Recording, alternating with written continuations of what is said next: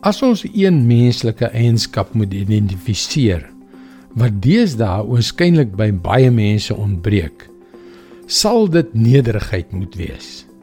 Dit beteken om 'n beskeie opinie van jou eie belangrikheid te hê. Hallo, ek is Jockey Gouchee vir Bernie Diamond en welkom weer by Vars. Ek het nou die dag 'n ontstellende artikel gelees. Die titel is Wil jy meer selfversekerd klink? Taalkenners sê Vermy hierdie 11 woorde en frases wat jou swak laat lyk. En weet jy dat byna elkeen van daardie 11 woorde wat hulle voorstel dat 'n mens moet vermy, kom daarop neer dat jy elke gesindheid van nederigheid uit jou gesprek moet verwyder. Die wêreld se raad is dat jy arrogant en sterk moet klink, want nederigheid word deur baie mense as 'n swakheid beskou. Maar kom ons kyk hierna vanuit 'n ander perspektief, uit God se perspektief. Micha 6 vers 8. Nee, hy het reeds gesê wat reg is.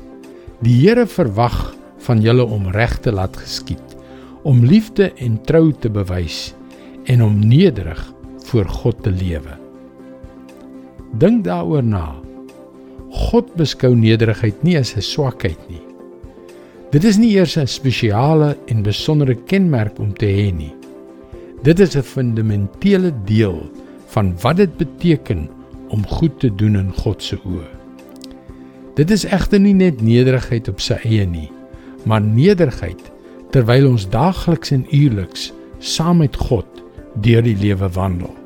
Met ander woorde om dienswillig sonder eie geregtigheid vir God te eer en hom te gehoorsaam terwyl ons ander bo onsself stel.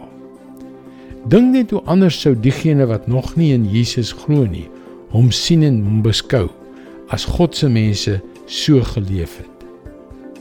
Wat verwag die Here van jou om nederig voor God te lewe? Dis sy woord vars vir jou vandag. Kragtige lewens beteken veranderde beginsels, nê? Nee. Wees verseker, God wil jou lewe transformeer. Ons gebedsspan staan gereed om jou op hierdie pad te bemoedig. Jy kan jou gebedsversoeke na powerfulprayer.org stuur. Jy kan egter nog op die gewone webwerf varsvandag.co.za vir jou daaglikse vars boodskappe inteken. Mooi loop. En luister weer môre na jou gunstelingstasie.